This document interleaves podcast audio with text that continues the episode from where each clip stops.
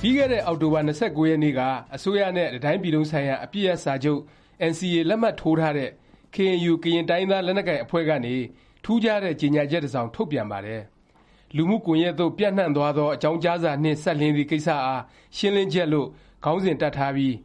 သူတို့ KNU အဖွဲ့ကနေ အမျိုးသားပြန်လည်သင့်မြတ်ရေးနဲ့ ငြိမ်းချမ်းရေးဗဟိုဌာန NRPC ရဲ့ ဥက္ကဌ ဖြစ်သူ ဒေါ်အောင်ဆန်းစုကြည်ဆီ ပေးပို့တဲ့စာ ပေါက်ကြားပြီး လူမှုကွန်ယက် စာမျက်နှာတွေပေါ်အထိ ပျံ့နှံ့သွားတဲ့ ကိစ္စ ဖော်ပြထားပါတယ်။ကြေငြာချက် အဓိပ္ပါယ် အကျဉ်းကတော့ ဒေါ်အောင်ဆန်းစုကြည်ဆီ သူတို့ပေးတဲ့စာဟာ လျှို့ဝှက် ထိမ်းသိမ်းအပ်သော သတင်းအချက်အလက် ဖြစ်တဲ့အကြောင်း၊ဒါကို ပေါက်ကြားသွားစေတဲ့အတွက် တစ်ဖက်နဲ့ တစ်ဖက်ကြား ယုံကြည်မှုနဲ့ အမျိုးသား ပြန်လည်ရင်ကြားစေ့ရေးကိုတောင် ထိခိုက်နိုင်တဲ့အကြောင်း ပြေပြေပြစ်ပြစ် ရေးထားတဲ့ စာပါ။သိပ်မကြာသေးခင်တုန်းကလည်း Weekly Eleven ဂျာနယ် အယ်ဒီတာသုံးယောက်ကို ရန်ကုန်တိုင်းအစိုးရက ဖမ်းဆီး၊တရားစွဲထားတဲ့ကိစ္စ၊ပြည်ထောင်စုအစိုးရအဖွဲ့ရုံးကနေ ရန်ကုန်တိုင်းဒေသကြီး အစိုးရအဖွဲ့ဆီ လျှို့ဝှက် အဆင့်အတန်းနဲ့ ပေးပို့တဲ့ ညွှန်ကြားစာ တစ်စောင် ပေါက်ကြားခဲ့ပါသေးတယ်။အခုလို အစိုးရဌာနဆိုင်ရာတွေမှာ လျှို့ဝှက် အဆင့်အတန်းစာတွေ၊လျှို့ဝှက်သင့်တဲ့ စာတွေ မကြာခဏ ပေါက်ကြားတာနဲ့ ပတ်သက်ပြီး တစ်စုံတစ်ရာ အရေးယူ ဆောင်ရွက်နေတာမျိုးကိုတော့ မတွေ့ရသေးပါဘူး။ခုတစ်ပတ် လျှို့ဝှက် အဆင့်အတန်း စာတွေနဲ့ ပေါက်ကြားမှုအကြောင်း၊အဲဒါနဲ့ ဆက်စပ်တဲ့ နောက်ဆက်တွဲ ပြသနာတွေအကြောင်း ဆွေးနွေးကြည့်ကြရအောင်ပါ။ ကေအဲန်ယူအဖွဲ့ကြီးရဲ့ ထုတ်ပြန်ချက်မှာတော့ ရှင်းပါတယ်။ဒီလို လျှို့ဝှက်ထားသင့်တဲ့စာ ပေါက်ကြားတယ်ဆိုတာ တစ်ဖက်နဲ့ တစ်ဖက် ယုံကြည်မှုနဲ့ အမျိုးသားပြန်လည်ရင်ကြားစေ့ရေးကိုတောင် ထိခိုက်စေနိုင်တယ် ဆိုပြီး သွယ်ဝိုက် သတိပေးတာ တွေ့နိုင်ပါတယ်။နိုင်ငံတော်သမ္မတရဲ့ လမ်းညွှန်ချက်ပါတဲ့ ပြည်ထောင်စု အစိုးရအဖွဲ့ရုံးကနေ ရန်ကုန်တိုင်း အစိုးရကို ပေးပို့တဲ့စာ ပေါက်ကြားတဲ့ ကိစ္စမှာလည်း အလားတူပါပဲ။အခုဆိုရင် အဲဒီစာပါ အချက်အလက်ကို ကိုင်စွဲပြီး ရန်ကုန်တိုင်း ဝန်ကြီးချုပ်နဲ့ အစိုးရအဖွဲ့ကို သမ္မတ လမ်းညွှန်မှု လက်မခံတဲ့သူ၊လက်မခံတဲ့အဖွဲ့အဖြစ် စွပ်စွဲ ပြစ်တင်တာမျိုးတောင် တွေ့နေကြရပါပြီ။သိပ်မကြာသေးခင်တုန်းကလည်း တပ်မတော်တွင်း ထိပ်တန်း ရာထူးနေရာ အပြောင်းအရွှေ့တွေ ပြုလုပ်တဲ့ စာတစ်စောင် ပေါက်ကြားမှု ရှိခဲ့ပြီး တပ်မတော် တာဝန်ရှိသူတွေဘက်ကတော့ အဲဒါ မဟုတ်ဘူးလို့ ငြင်းဆိုခဲ့ရပါတယ်။ဒီ့အပြင် လျှို့ဝှက် အဆင့်လို့ သတ်မှတ်ထားတဲ့ စာတွေ ပုံမှန် ပေါက်ကြားနေလေ့ ရှိတာကတော့ မြန်မာနိုင်ငံ ရဲတပ်ဖွဲ့အတွင်းမှာပါ။ရဲတပ်ဖွဲ့ အဆင့်ဆင့်ဟာ မှုခင်းတွေ ဖြစ်ပေါ်ရင် ဘယ်မှုခင်းပဲဖြစ်ဖြစ် သူတို့အထက်အဖွဲ့အစည်းကို အစီရင်ခံရလေ့ရှိပါတယ်။အဲလို အစီရင်ခံစာကို သံကြိုးကြေးနန်းစာအဖြစ် ခေါ်ဆိုပြီး စာရွက်အားလုံးလိုလိုရဲ့ ထိပ်မှာ လျှို့ဝှက်လို့ ရေးထားလေ့ရှိပါတယ်။ဒါပေမယ့် လျှို့ဝှက်လို့ ဘယ်လိုပဲ ရေးထားရေးထား ရဲတပ်ဖွဲ့ တာဝန်ရှိသူ အတော်များများဟာ သူတို့နဲ့ ရင်းနှီးတဲ့ သတင်းမီဒီယာသမားတွေမှုခင်းကိစ္စ မေးမြန်းလာရင် အဲဒီ လျှို့ဝှက်ကြေးနန်းစာကို လွယ်လွယ်ကူကူ လွဲှပြောင်းပေးလိုက်ကြတာချည်းပါပဲ။ မြန်မာနိုင်ငံက သတင်းမီဒီယာဌာနတွေအားလုံးလိုလို အဲဒီ ရဲစခန်းရဲ့ လျှို့ဝှက်သတ်မှတ်ချက်ပါ ရဲကြေးနန်းစာတွေနဲ့ ဘယ်သူမှ မကင်းကြပါဘူး။သတင်းထောက်အတော်များများရဲ့ လက်ကိုင်ဖုန်းတွေ၊ကွန်ပျူတာတွေ၊သတင်းဌာနက ကွန်ပျူတာတွေမှာ အဲဒီ လျှို့ဝှက်လို့ စာတန်းထိုးထားတဲ့ ရဲကြေးနန်းစာဒီဂျစ်တယ်ဖိုင်တွေ အများအပြား ရှိနေတတ်ကြပါတယ်။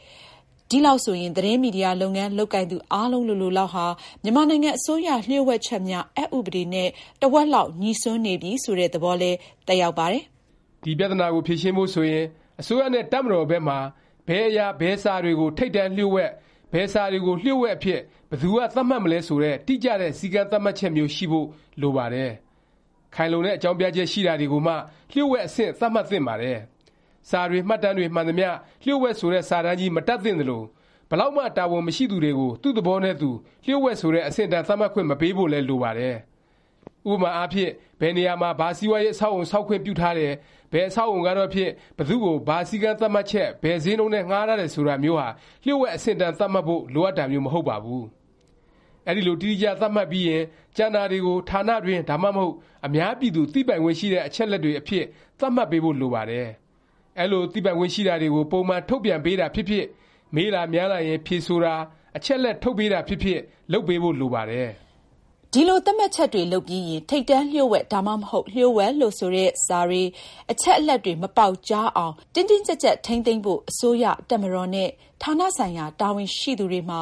တာဝန်ရှိပါတယ်။အလားတူ ပေါက်ကြားမှု ဖြစ်ပေါ်လာပြီ ဆိုရင်လည်း ဘယ်ကနေ ပေါက်ကြားသလဲ မရရအောင် စိစစ် စစ်ဆေး ဖော်ထုတ်နိုင်ရပါမယ်။ဖော်ထုတ်ပြီးရင် ဝန်ထမ်းစည်းကမ်းအရဖြစ်စေ၊တည်ဆဲဥပဒေအရဖြစ်စေ အရေးယူ အပြစ်ပေးမှုတွေ လုပ်ရပါမယ်။အခုနောက်ပိုင်း အဲလို လျှို့ဝှက်စာတွေ ပြင်ပပေါက်ကြားမှု စစ်ဆေး ဖော်ထုတ် အရေးယူတာ မကြားမသိရသလောက် ဖြစ်ပေမယ့် ပေါက်ကြားမှုတွေကတော့ ပုံမှန်လိုလို ရှိနေဆဲပါပဲ။ဒီလို ပေါက်ကြားမှုတွေဟာ အစိုးရယန္တယားကို အထင်မြင်သေးမှု၊မယုံကြည်မှု၊နောက်ပိုင်း မသမာသူတွေက အတုတွေ ပြုလုပ်လာပြီး ရှုတ်ထွေးတဲ့ ပြသနာတွေ ပေါ်ပေါက်စေခဲ့သလို၊အခုနောက်ဆုံး ကေအဲန်ယူရဲ့စပေါက်ကြားမှုကတော့ ယုံကြည်မှု တည်ဆောက်ရေး၊အမျိုးသား ပြန်လည်ရင်ကြားစေ့ရေး ထိခိုက်စေနိုင်သည်အထိ အန္တရာယ် ရှိလာတာပါ။အခြားတစ်ဖက်မှာတော့ အစိုးရ၊တပ်မတော်နဲ့ ရဲတပ်ဖွဲ့ဘက်က စာတွေ၊အချက်အလက်တွေကို လျှို့ဝှက် အဆင့်အတန်းအဖြစ် ဖောဖောသီသီသတ်မှတ်၊အသေအခြာ မထိမ်းသိမ်းတော့ နေရာတကာ ပျံ့နှံ့၊အဲဒီ အချက်အလက်တွေနဲ့ အလုပ်လုပ်နေကြ